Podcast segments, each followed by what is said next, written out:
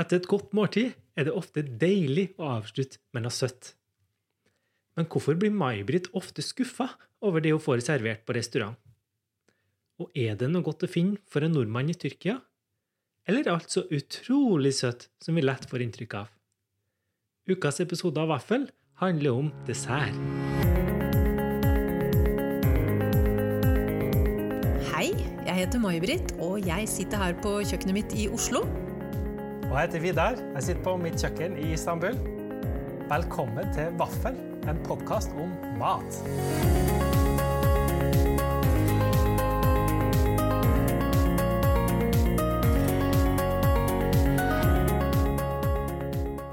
Hei, Vidar. Takk for sist. Takk for sist. Du, jeg tror jeg bare går rett på sak. Nå skal jeg spørre. Er du en person som foretrekker en forrett eller en dessert? Hvis du må velge to retter av en restaurantmeny. Jeg tror nok jeg er et forrettmenneske. Jeg er jo veldig glad i f.eks. mese her eh, i Tyrkia. Og det sier jo det at jeg er jo glad i de der små rettene. Jeg syns de ofte er litt mer forseggjort, men eh, samtidig så er det jo Det er litt kjipt om å velge, da. Jeg må få si det, altså. Ja, nei, du, du, du må velge, men da velger du altså forrett. Det var dumt, fordi denne episoden skal handle om dessert. Jeg tror også jeg velger forrett litt fordi eh, jeg syns de ofte er litt mer forseggjort. At det kanskje ofte at det er veldig mye det samme som går igjen i eh, desserter rundt omkring. Jeg er veldig enig, ja. Det er jo veldig ofte panna cotta, eller en Mm. eh, variant av crème brulé, eller en sjokoladefondant. Det er sånne gjennomgang, eh, gjennomgangsdesserter, og Ja. ikke alltid like godt gjennomført. Nei. Sånn er det. Enn du? Er du eh, Ja, jeg, eh, jeg startet jo som et forrettsmenneske her i livet. Jeg ble født som et forrettsmenneske, og så eh, var jeg dommer i Kakekrigen. Ja. Og sto der sammen med konditor Sverre Sætre og lærte veldig mye av å smake på 250 kaker. Og da fikk jeg, da utviklet liksom den søte tanna mi seg litt, så jeg er på vei over i dessertmenneskenes rekker, altså. Jeg har eh, blitt mer og mer eh, begeistret for dessert. Men det må være god dessert. Det er litt viktig for meg å si. Og jeg syns at selv på de beste restauranter så er ofte desserten et sånn derre å ja, vi må jo ha en dessert. Folk vil vel ha en slags dessert og noe søtt i kaffen. At du får den statusen, og det merker jeg ganske fort. Og enda verre hvis det er sånn at du får eh, ikke sant, du får ganske små porsjoner på en del sånn fancy restauranter, så du er fremdeles litt sånn småsulten før desserten. Så av og til får jeg følelsen av at eh, desserten bare skal være en sånn skikkelig mektig avslutning, så at alle føler at du er god Ja. og mett. Og det, det er kanskje ikke den beste måten å tilnærme det på. Og så er de ofte laget uh, i forkant. Alle elementene er laget i forkant, sånn at de er kjøleskapskalde. Når de kommer på tallerkenen, så er det kanskje noe, et krem, kremaelement. Eh, kanskje noe geléaktig, og noen smuler og noe bær. Og så en saus som er liksom dryppet rundt på kanten. Og det er ikke nok til å imponere meg, altså. Nå høres Nei. jeg ut som jeg er veldig kritisk. Jeg er blitt litt sånn høy på pæra etter den der Masterchef-jobben, da. Var det mye gode desserter der òg, eller? ja, det var det. Vi hadde et par Det kan jeg jo avsløre. At vi hadde et par deltakere der som var helt sjukt gode på dessert. Ja. Eh, Så det blir spennende å se til høsten. Det må alle følge med på. Men jeg kjenner jo det at eh, kunsten å lage en god dessert, den er uvurderlig. At man tør Altså de som En god dessertkokk klarer å stille det der søtbehovet at du bare mm, vil ha noe som du kjenner litt igjen. Men de som er gode på å lage det, de får til noe ekstra. Noe spennende. Noe overraskende. Mm. Det er jo som å lese en riktig god bok som du er dypt inni, og så kommer du til siste kapittel, og så er det fullstendig mageplask eller litt sånn nedtur. Det er kjipt. ja, det er det. Så en generell oppfordring, hvis det er noen der ute nå som hører på dette og driver restaurant, det er prøv å legge litt mer arbeid inn i desserten. Ikke bare, ikke bare sleng den på bordet som en sånn siste avskjed, og så kommer regninga. Ja, jeg tenker Når du er på restauranter, så forventer du litt mer. Ja. Altså, jeg, er blitt, jeg er blitt glad i dessert, men jeg er også blitt veldig kresen på dessert. Det må være vel gjennomført. Det må være en tanke bak det, sånn som det da kanskje har vært i resten av måltidet. Hvis man har fått et sånn fantastisk måltid hvor alt stemmer, og du kjenner at her er det lidenskap, kunnskap, eh, gode råvarer, så forventer jeg også at desserten er på det nivået, og ikke bare er en sånn halvkald klut før du får regninga. Så du vil eh, gjerne bli litt imponert når du skal ha dessert? Ja, jeg vil jo bli imponert, men jeg vil også eh, bli litt bortskjemt. Jeg Mhm. tenker at eh, forrett og hovedrett, det var Forretten var den innledende samtalen. Hovedretten var en samtale som gikk i dybden. Og desserten er liksom kysset, hvis du skjønner. Det var en god måte å si det på, egentlig. og Det, det er jo egentlig litt i tråd med hvordan dessert oppsto som eh, konsept. Og jeg har gått litt og kikka i her en sånn skikkelig tjukk bibel som forteller Ja, du har litt om, igjen, du, ja, nå. Ja, ja. Eh, Eller forteller om mattradisjoner fra ja, det var et vestlig perspektiv, da, men eh, fra store deler av verden. Og eh, ja, ordet dessert er faktisk eh, ganske nedpå. Det betyr, eh, det kommer fra et fransk ord som betyr å rydde bordet eller å ta ned oppvasken. Men det hadde en mye større betydning enn det da desserten oppsto. Det var først og fremst frukt og konfekt som ble satt midt på bordet, enten der de hadde spist middag eller på et annet bord, men ikke på en hvilken som helst måte. Her var, snakker vi skikkelig oppsetning. Her skulle det imponeres, ofte i samspill med svære blomsterdekorasjoner stearinlys, ikke sant? de svære holderne med masse stearinlys. Og mm. var egentlig, formålet var mer å imponere da, eh, gjestene sine enn å gi ei eh, søt avslutning. Og da kom jo også det med dessertvin inn i bildet. kom inn her. Eh, helst så kostbar og fin som mulig, så det var neppe noen ting for eh, vanlige folk, holdt på å si, verken på eh, en ukedag eller, eller helg, vil jeg tro. Eh, engelskmennene kalte jo faktisk eh, det samme De hadde mer eller mindre det samme konseptet. De kalte for eh, bankett, rett og slett, fra til de begynte å ta over det ordet dessert da, for ganske kort tid siden, i historisk betydning, da, sånn rundt 100 år siden. Ja. Det kom jo da via USA, selvfølgelig amerikanerne som tok til seg begrepet, og det var dem som utvida begrepet da, til å gjelde egentlig en potpurri av eh, mer eller mindre overdådige søte retter. I Amerika kanskje mer overdådig enn eh, mange andre plasser.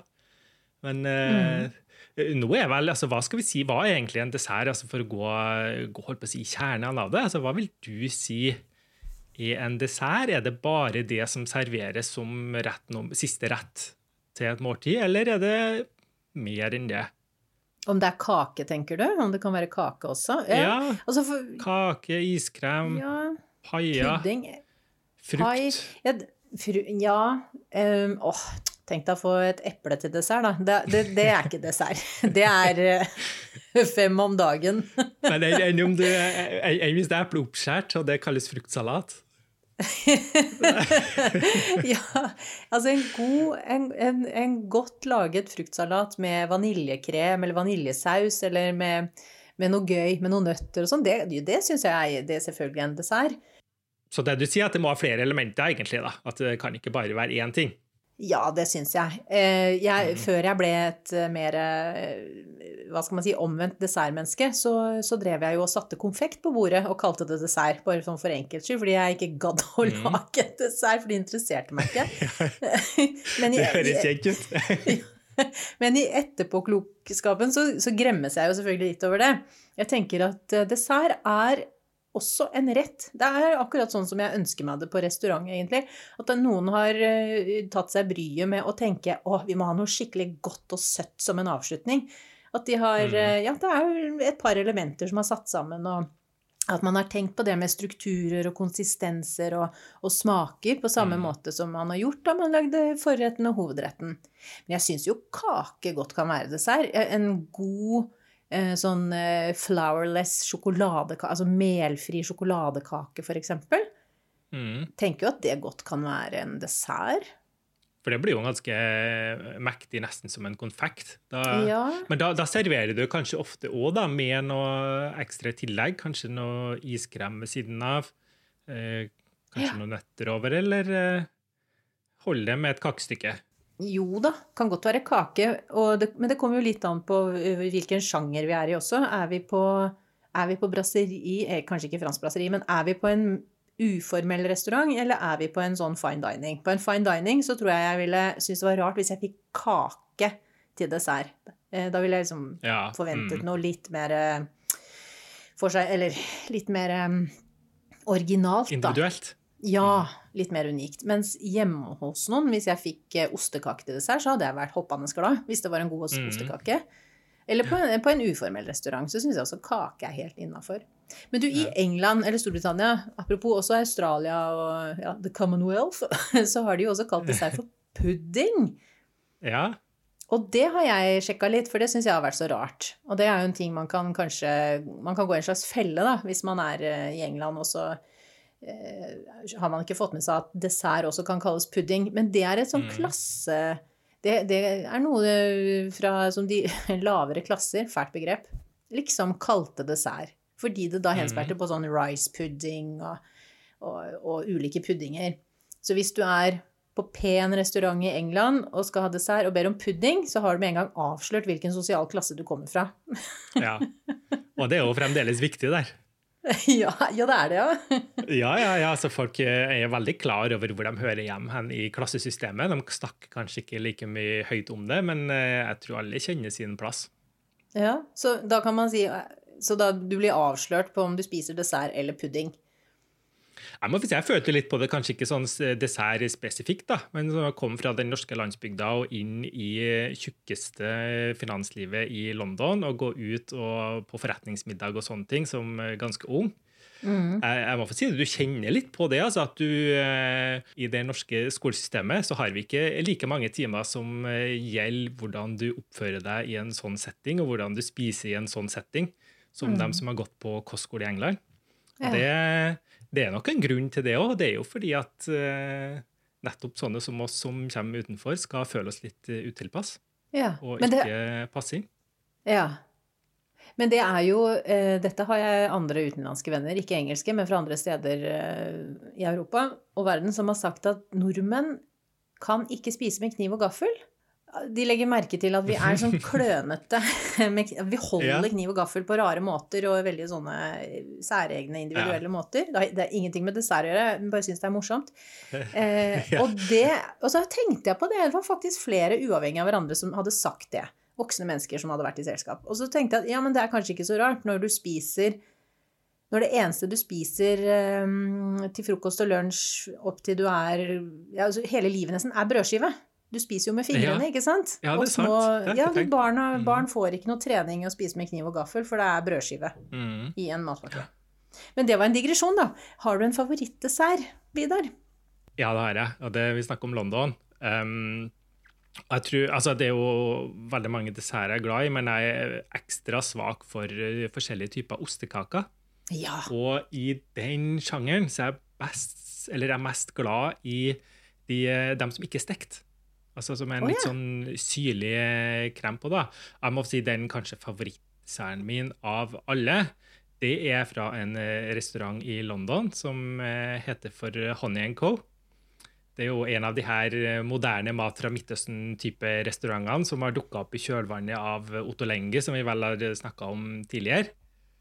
Og det drives av et eh, jeg synes jeg, særdeles eh, utadvendt og romslig, eh, i alle betydninger av ordet, ektepar. Og de har skrevet bøker og gitt ut, eller gitt ut bøker og skrevet spalte i Financial Times. Og desserten som de er mest kjent for, det er en ostekake der de bruker en bunn av kadaif. Hva er det for noe? Det er en type filodeig som lages på en litt annen måte, så de blir som sånn kjempelange, kjempetynne spagettistrenger. Kaller, noen kaller det som sånn engelhårspagetti, Ja, eller ja, engelhår, ja. engelhårnudler. Ja, det tror jeg jeg har sett. Men det er filodeig, da, ikke pasta, så den er mye mjukere. Så det du gjør, da, er at du blander det med smør og sukker, og så ordner du til så du får et lite slags sånn fuglerede. Og eh, altså, Så det ser ut som et fuglerede, eller en pavlova, kan de si òg, da. Steke det, og så har de en eh, ostekrem på toppen, oh. der de har blanda inn fetaost og honning. Mm.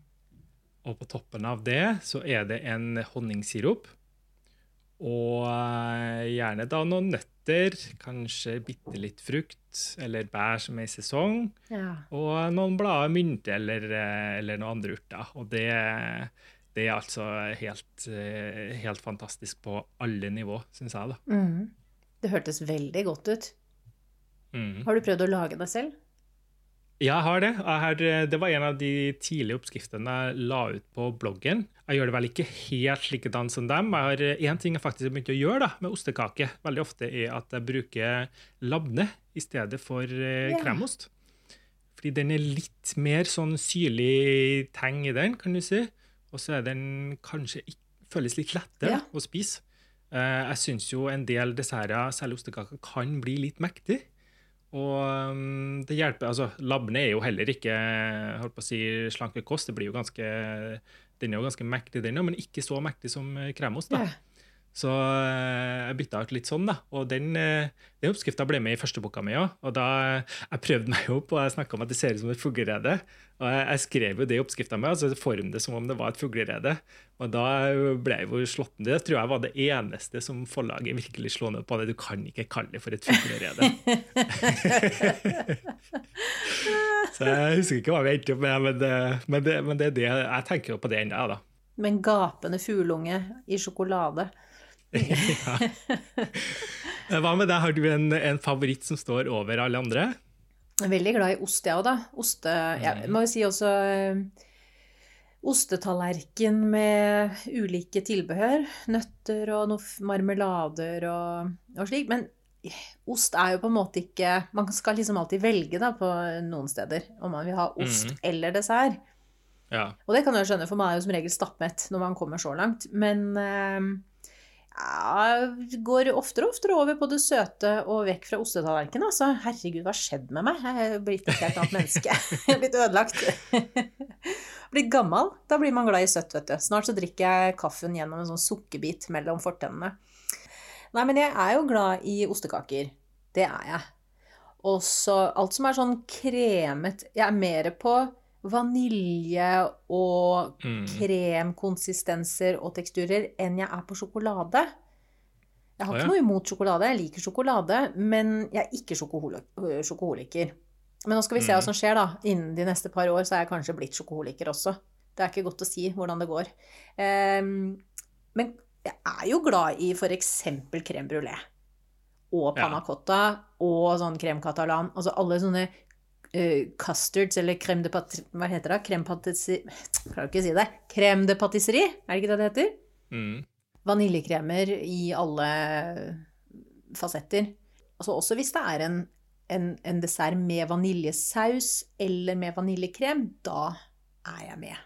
Jeg er veldig glad i det. Vaniljekrem og vaniljesaus. Jeg syns jo en lun crumble, for eksempel, en uh, smuldrepai Åh, det er så godt, det. Men er det dessert? Jeg syns jo det er det. Ja, jeg synes det. Men det var egentlig custard som er fellesnevneren her. Altså, I forskjellige former. Vaniljesaus, Ja. vaniljekrem. Eh, altså det, Ja. det er vel kombinasjonen eggeplomme, fløte og eh, vanilje. Ja, og sukker. Ja. Kanskje bare må begynne å drikke eggelikør. Det husker jeg moren min gjorde. På, ja, men hun gjorde da, vi, vi var mye ute og spiste Mm. da jeg var barn, hun og jeg. Altså Moren min jobbet jo på restaurant, så hun, det var ikke alltid hun orket å lage mat eh, når hun hadde fri. Så vi var veldig mye ute og spiste, hun og jeg. Hun var servitør da. Og hun kjente jo alle som drev restaurant omtrent i Oslo, så vi fikk alltid veldig god service. Og litt sånn ekstra. Men det husker jeg godt at hun bestilte seg gjerne en liten eggelikør til kaffen etter at vi hadde spist middag. Mhm. Ja da. Så det var, hun er ikke så veldig glad i søtt, skjønner du. Hun er ikke noe sånn dessert- eller kakemenneske. Nei. Men den derre eggelikøren En liten og søtt flytende i stedet. Ja, men det er jo, det er jo på en måte i, i vaniljesauslandskapet, da. Ja. Er det lov å si det? Ja, det er kanskje jeg ikke så eh, stor på eggelikør. Jeg, eh, jeg har aldri fått smaken for eggnog latte og alt det der som kommer til jul heller. Nei, det, det, jeg driver heller ikke med eggelikør, altså. Nest, neste år runder jeg 40, så da er kanskje tida å begynne å plukke opp det da. Jeg vet ikke, jeg har fire år igjen til 50. Når jeg når dit, så kan jeg fortelle deg hvordan det går. Men sabayon er jo også en sånn eh, Ja. emulgert Fancy eggelikør. Ja, på en måte. Ellers så syns jeg jo at Vet du hva, tiramisu, en god tiramisu, kan også være fryktelig godt med sin mascarponekrem og kaffe og likør og sjokolade og de kjeksene. Ja. Men tiramisu føler jeg er et litt sånn minefelt å bestille, fordi du vet aldri hvor ja. ekte det egentlig er. og Kanskje, kanskje litt farga av å ha bodd i Tyrkia nå de siste årene. Her har de liksom noen som prøver å ta inn utenlandske desserter, blir stadig mer populært. Og eh, det er ikke alltid det minner like mye om eh, tiramisu, det som selges som tiramisu. Og det må jeg få si, det var jo egentlig sant da jeg bodde i London òg. Altså, det er ikke alle som gjør det på den uh, måten det skal gjøres på. da. At uh, mm. Man tar kanskje noen snarveier eller uh, Jeg vet ikke, jeg er ikke noen sånn tiramisu-konasør, men jeg har jo spist på noen gode italienske restauranter i London, og det, det var et annet nivå på dem enn det du fikk en del andre plasser, da, for å si det sånn. Ja. Og så er jeg, jeg er glad i iskrem. Lager du iskrem sjøl? Ja, det gjør jeg. Jeg har en utrolig grei iskremmaskin. Den mm. er ikke sponset, så jeg kan si det. Ja. Ehm, jeg tror jeg, Den har jeg skrevet om på bloggen også, så man kan gå inn der og sjekke hvilken det er. og sånn, Men den har jo en eh, god motor, og man trenger ikke å putte noe bøtte i fryseren og forberede seg en uke i forveien. Ja. Man kan ehm, Jeg bruker bare basisoppskriften som kom med bruksanvisningen, faktisk, til, mm. den, eh, til den iskremmaskinen. Du, det er den samme vi bruker i Masterchef. Det kan jeg også nevne. Den iskremmaskinen. Men den, eh, den, eh, er kjempeenkel og lager ordentlig god is, og den kinner isen. Eh, sånn at mm. ikke du får iskrystaller på en god måte. Så nei, jeg bare følger den oppskriften som fulgte med bruksanvisningen, som er um, egg og sukker piskes til en lett eggedosis, og så har du i fløtemelk og vanilje Mm. Og så blander du sammen og har det oppi den iskremmaskinen. Setter den mm. på, på, start, og så står den der og snurrer og går og lager iskrem. Så er du ferdig på 40 minutter. Veldig greit. Og så kan man gjøre mer ut av det hvis man vil. Hvis man har ja. lyst til å ha vaniljestangen i fløtemelken, koke det opp og la det stå og trekke mm. natten over, alle de der tingene, så er det bare å gjøre det. Men hvis du en kveld satt der og fikk himla lyst på en kule med is, så er det liksom bare å lage en eggedosis ha i fløte, melk. Kan ha oppi yoghurt og crème fraîche og alt mulig ja. det du vil. Kan bruke kokosmelk òg. Og så oppi den maskinen så får du en veldig eh, kremet, glatt, myk, fin iskrem. Ja. Helt suveren. For min erfaring òg er jo Jeg har jo ikke iskremmaskin. Mm. Det har jo likevel prøvd nå å lage litt i det siste, og det blir jo godt uten nå, men eh, jeg merker det at konsistensen blir ikke helt den, eh, helt den samme. Så det er kanskje ja. helt nødvendig. Jeg ser det en del som bruker sånn kondensert melk fra boks, som jeg mener da kan ja. Eh, gi et godt resultat uten å må um, elte det. Eller hva skal jeg kalle det. Det har jeg en oppskrift på i kosekokeboka. Det er jo fordi at du får mm. iskrystaller ikke sant? Eh, når ting fryses ned. Og det er jo de som gjør at det da blir en litt sånn porøs og ikke mm. krema og, mm. og rund iskrem. Mm. Det blir jo godt likevel, det må jeg få si, da, men det er litt sånn, du merker jo at det ikke er profesjonell iskrem. Ja, da kan du kalle det semifreddo, så er det innafor. Ja. så slipper du unna med det. Men også hvor mye egg du bruker. For jeg husker jo bestemoren min i Danmark. Hun lagde iskrem selv, og hadde selvfølgelig ikke iskremmaskin, bare en gammel fryser i bindverkshuset med stråtak. Mm. Uh, og hun brukte nok litt mye egg. For jeg husker at den iskremen, smak, iskremen, smakte litt egg. Jeg skjønte jo ikke det da jeg var barn, men da jeg ble voksen og lærte mer om mat og smak, så var det, innså jeg å ja, mm. det var det som var greia. Hun brukte kanskje, kanskje et par eggeplommer for mye. Og da får ja. du den derre eggesmaken da, som ligger i bakgrunnen og lurer. Mm. Men Vidar, jeg har jo jeg har vært i Tyrkia, jeg har vært i Hellas, eh, og ikke lenger østover enn det, faktisk, sånn hva vi kaller Midtøsten. Men det er jo mye søtt. Der slår de virkelig på stortromma så når ja. de skal ha dessert. Det er mye honning og sirup og, og sånn. Ja, det er det. Og de er Altså, du, du har jo desserter overalt i gatebildet, egentlig. Eh, altså alt fra baklava Eh, tørka frukt og nøtter, eh, Turkish Delight, er jo masse overdådig i butikkvinduene når det går rundt, særlig i de turistområdene. Eh, men de har en mm. litt annen desserttradisjon da, kan du si, enn det vi er vant til. Fordi det er jo litt sånn, ikke sant, Du har de der meserettene og sånne ting. De har et litt mer flytende forhold til det der med forskjellige deler av måltidet enn det vi har, med en veldig sånn definert forrett, hovedrett, dessert med en liten pause imellom hver. Eh, I Tyrkia så flyter mye mer fra det ene over i det andre. Og dessert er egentlig vært mer ja, som den opprinnelige franske, kanskje minus, eh, minus de mest overdådige dekorasjonene med bare et fruktfat. Ja. Mens søtsakene har vært mer forbeholdt til den eh, koppen med kaffe. Aha. Tyrkisk kaffe er jo, eh, for den som har prøvd det, veldig sterkt. Altså, det er jo, eh, den er jo ufiltrert, så du har kaffegruten ligger jo i eh, koppen, og den er helt, helt finmalt, omtrent som mel. Og den, når den da er så sterk, så må du ha noe som er veldig søtt, som en motsats til det. Så jeg har en liten teori om at det kanskje er der eh, de veldig søte dessertene har oppstått. da. Men her finner du jo litt begge deler. da. Jeg pleier å tenke på dessertene herfra litt sånn i, i grupper. Du har som du sier, de veldig søte, det jeg kaller for sukkersirupbaserte. Ja. Fordi måten du lager det på eh, eksempel ta baklava, da, som jo er en slags sånn eh, lag på lag med filodeig. Altså sånn milføy for den som er kjent med franske desserter. ikke sant? At det er en, måte, en Mhm. slags variant av det, da, med flere lag med filodeig som du pensler med smør hvert lag. Og så har du nøtter i midten. Og da steker du det faktisk uten noe søtningsmiddel. Men det øyeblikket det kommer ut av eh, ovnen, så heller du over en sånn sukkersirup. Eh, Opprinnelig var det sikkert honning, da, men nå er jo det mye billigere å bruke sukker. Så det er det de fleste bruker.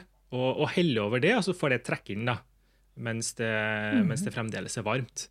Det er jo en teknikk som de bruker til flere retter enn baklava. En av mine favoritter, det må jeg få si, kanskje min aller største dessertfavoritt fra regionen her, er jo eh, kunefe. Har du hørt, om det? Eller knafe, det som kaller det òg. Litt avhengig av hvor i Midtøsten, Tyrkia du eh, Jeg har hørt om det. Er, det er noe ost inne i bildet, er det ikke det? Ja, det er det. Og det er også Mm. den der uh, kadaifen som vi snakka om tidligere. Den, ja. den ostedesserten som jeg snakka om tidligere fra Honey Co. Så du bruker det der engelhårfilodeigen, hvis vi kan kalle det det. Så da har de egne sånne små minipanner for det der, som de bruker, eller du kan lage kjempesvære òg. Sånne enorme fat, egentlig. da. Men eh, Så du presser litt av det, blanda med smør, nedi i sånn form. Og så har du en eh, ganske smakløs, eh, småsyrlig ost som er spesifikk for eh, området. Det er en sånn eh, ferskost. Det kan kanskje nærmeste du kommer da, i, i vår del av verden, for å si det sånn, er kanskje mozzarella. Ok, såpass mild. Ja, veldig helt Noen salter den, men aller helst skal den være usalta. Og veldig, veldig mild, men den skal ha den der egenskapen at når den smelter, så får du sånne lange ostetråder, ikke sant? Så har den i midten, og så har du et nytt lag med sånn engelhårfilodeig oppå. Steker det på begge sider. Eh, Helle over sukkersirup. Det høres jo litt sånn rart ut. Det er jo egentlig en slags sånn ostesmørbrød som du heller sukkersirup over. Ja, ja. Men det er altså så utrolig godt. ja det, jeg jeg syns det høres veldig godt ut. Ja. Kan du ha noe bær eller noe, noe et eller annet friskt, aromatisk? Pistasjenøtter over. Eh, men de er ikke noe Nei, det er ikke så mye annet. Det, det er liksom bare et lite dryst og pynt over. ikke, ikke noe bringebær der. Det er ikke det. Det er jo ikke de store bærtradisjonene. Så her er det jo Altså, frukt kanskje du får i tillegg, da, ved siden av, men ikke, ikke som en del Mm. av eh, da. Men det med frukt Når du sier, nevner at frukt kan være dessert Jeg skjønner jo i at i et land hvor frukt er søt, saftig, moden, Mm. så er det jo gøy å få frukt til dessert. Ja. Sånn at i Norge også, når bringebær og jordbær er i sesong, Mm. så er det jo deilig å få bare rene jordbær med fløte og sukker. Ja, ja, ja. Eller vet du hva jeg spiste i går, forresten? I går tok jeg meg en liten dessert eh, her i kveldinga. Da hadde jeg eh, norske jordbær, aromatiske, Sena Sengala. Og så hadde jeg seterømme som jeg tok oppå, og så eh, oh. brunt sukker. Det var så godt, for da fikk du den der karamelliserte sukkersmaken inn i seterømmen, som lå oppå de veldig søte, aromatiske, friske bærene. ja, så litt sånn syre fra rømmen, og ikke bare fylde. Vær så god. Den desserten Ja. gir jeg bort. Den bjuder jeg på. Jeg tror jeg var må sette meg på første fly igjen når de eh, åpner igjen. ja. Og så har du òg, da For jeg snakka jo om eh, forskjellige typer desserter i Midtøsten. En annen jeg hovedgruppe med desserter her, de er mye mindre søte. altså Det er sukkersirupbaserte. Det, det finnes jo flere enn de jeg snakka om, med baklava og kunefe, men de er som regel er veldig søte, så du trenger eh, veldig lite av det. Men så har du òg en mm. gruppe desserter som er melkebasert. Her er det jo veldig lite bruk av fløte. Det er melk som gjelder. Og det, det er litt sånn bingo. da. Av og til kan de være veldig søte, de òg, men av og til er de ikke veldig søte i det hele tatt. Så eh, når du lager dem sjøl, kan du jo bestemme sjøl. Vi har jo snakka i en tidligere episode om mualebi, den mm -hmm. melkepuddingen. Yep. Som eh, du kan smaksette med rosevann, men du kan òg smaksette med andre ting. Og gjerne toppe med noe bær og nøtter og sånne ting. En av mine favoritter da, er en, egentlig en variant av det, med ris.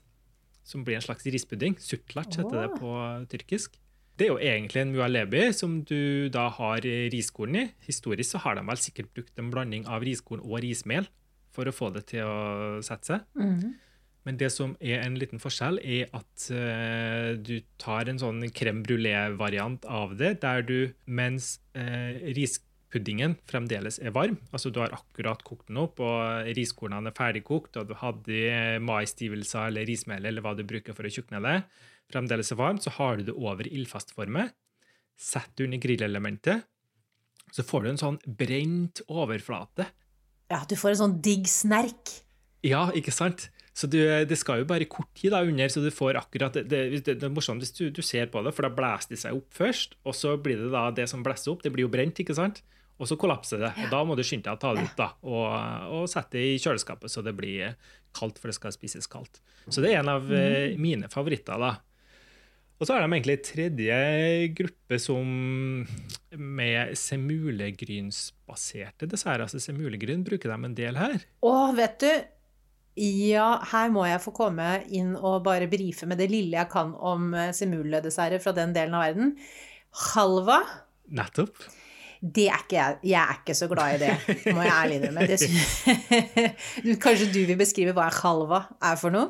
Eh, ja, og eh, jeg, jeg er litt enig med deg, for å si det sånn. Det er jo egentlig semillegryn som er kokt opp med sukker. Jeg tror det er litt smør inne i bildet, og eh, vann. Kanel, ofte brukt til å smaksette. Pinjekjerner. Så fins det varianter med is i midten, men eh, som regel så har de det bare oppi en kopp. Vender koppen opp ned på fatet, så får du en sånn liten dom av en slags sånn smulepuddinggrøt-sak.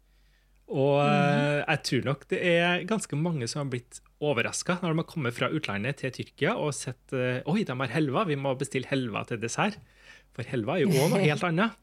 Det er jo også en slags sånn eh, nougat eller fudge som laga av tahini. Ikke sant? Det får det jo, altså I Midtøsten så er jo det De fleste har jo et større forhold til det. Så jeg så jo eh, Vi satt og kikka på et sånt TV-program som BBC hadde laga her for noen år siden. Med en dame som eh, hevda å ha vokst opp med å ha forelska seg i en helt annen matkultur enn den hun sjøl var født i. da. Altså Det var den tyrkiske hun snakka om. Og så eh, viste det seg jo gjennom den serien, det må jeg få si, at jeg tror kanskje ikke hun har vært så veldig begeistra i det, den eh, kjøkkenet så var lenge, for kunnskapsnivået var ikke så veldig høyt. Så hun trodde jo det at hun skulle komme inn og få lage halva. Å yes, nå skal jeg få lage det. Det syns jeg er kjempegodt, den tahini-nougat-saken. Og så fikk hun semullepudding. Ja, ja, ja, hun fikk det, og, det var, og sto jo og så på at de laga det òg, så det var jo, ble jo bare mer og mer overraska. Ja, hvordan blir det her til helva, liksom? Ja. Men, eh, men det, det, det finnes en annen mm, semuledessert som eh, jeg har fått veldig sansen for. Det er noe som du ikke finner så mye i Tyrkia, men mer i Midtøsten. Den er litt mer eh, raffinert, da vil jeg påstå litt eh, finere. Den eh, har kommet inn hit med syriske innvandrere, for det er jo veldig mange som har kommet fra Syria og bor i Tyrkia, særlig fra Aleppo, som jo egentlig er en region som historisk har eh, også omfatta eh, deler som i dag tilhører Tyrkia. Så det er veldig mye felles tradisjoner. Og det er jo en del som snakker arabisk, f.eks. på den tyrkiske sida av grensa. også. Så veldig mange av dem har slått seg ned i Istanbul. Åpna restauranter som har eh, hundreårig historie i Aleppo, på nytt i eh, Istanbul. Og der har de en dessert som heter for eh, Nå skal jeg være litt forsiktig med hvordan jeg uttaler det, for jeg er ikke så god på arabisk, men halawat al-jibn. En gang til. En gang til. Få høre. Ah, Halawat al-jibn. Halawat al-jibn. Det er da du koker opp eh, Nå skal vi se om jeg husker oppskriften. Jeg faktisk med, jeg laga den sjøl, det er veldig lett å lage hjem, så jeg har med oppskrift i siste boka mi. Og du koker opp eh, semullegryn, eh, jeg tror det litt vann, og mozzarellaost. Så du får en slags sånn eh, Oi. Hva skal jeg si? Det, en sånn leiraktig deig ut av det, nesten. Og det hørtes eh, godt ut, Vidar. Ja. men det, er altså, smaken er jo god, da. Men det, det er litt sånn pussig. Sånn, ikke lei lim, kanskje. Litt sånn Ja, det er en litt sånn interessant konsistens på det, men den blir jo mye bedre når den får satt seg. Mm. Så du klemmer det ut så du får det flat.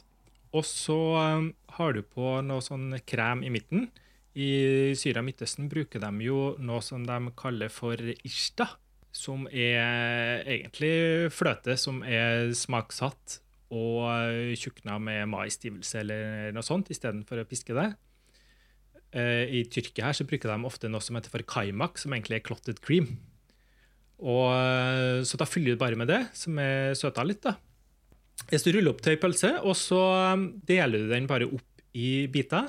Og eh, så må du pynte den litt, da, så det ser, for det blir jo veldig hvitt. ikke sant? Du har en sånn beigeaktig pølse med hvit fyll. Pynte den, De liker jo da å pynte med en, et syltetøy laga av roseblader. Å, det hadde jeg faktisk tenkt å spørre deg om. Disse rosebladene og appelsinblomst og alt sånt. Ja, for det her har jo da Du kan bruke både roseblomstvann og appelsinblomstvann, både da til å smaksette deigen og fyllet.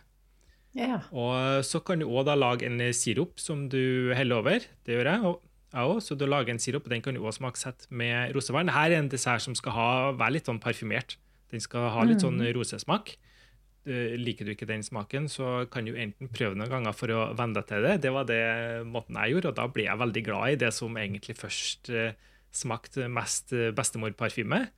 Så mm. når kroppen ble vant til det, så ble det faktisk veldig godt.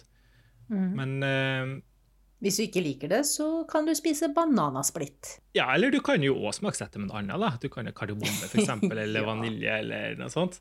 Men det er akkurat det jeg mener med at desserten er et kyss, Vidar. At det Ja. skal være søtt, og det skal være litt aromatisk, og det skal være litt crunch, og du skal liksom tenke sånn Ja, Ja. Ja.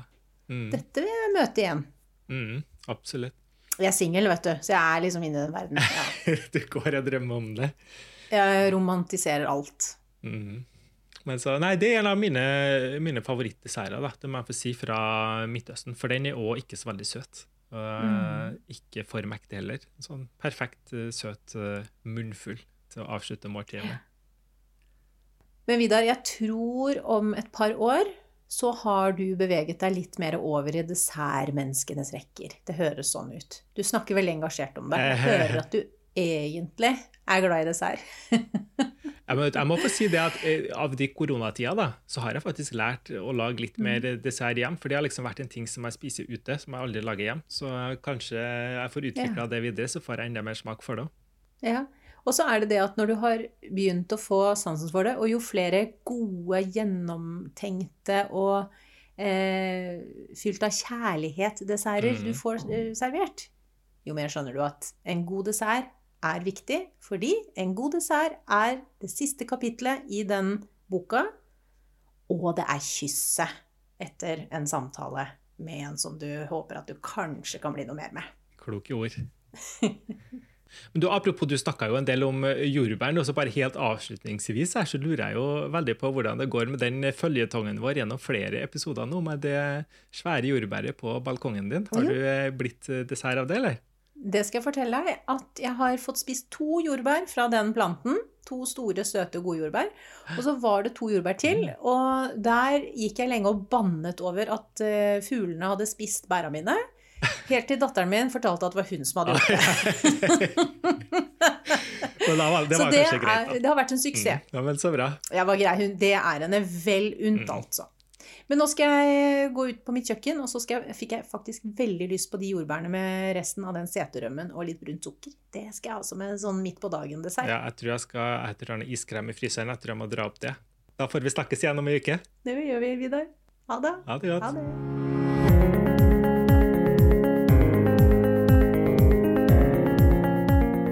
Takk for at du lytta til denne episoden av Vaffel. Som vanlig finner du mer om dagens tema på bloggene våre, Spiselandslaget og Et kjøkken i Istanbul. Der kommer det blogginnlegg i løpet av søndagen, med bl.a. lenker til oppskriftene vi snakka om. Neste uke tar vi på oss lesebrillene og blar litt i noen av kokebøkene som har inspirert oss aller mest. Håper vi høres igjen da. På gjenhør.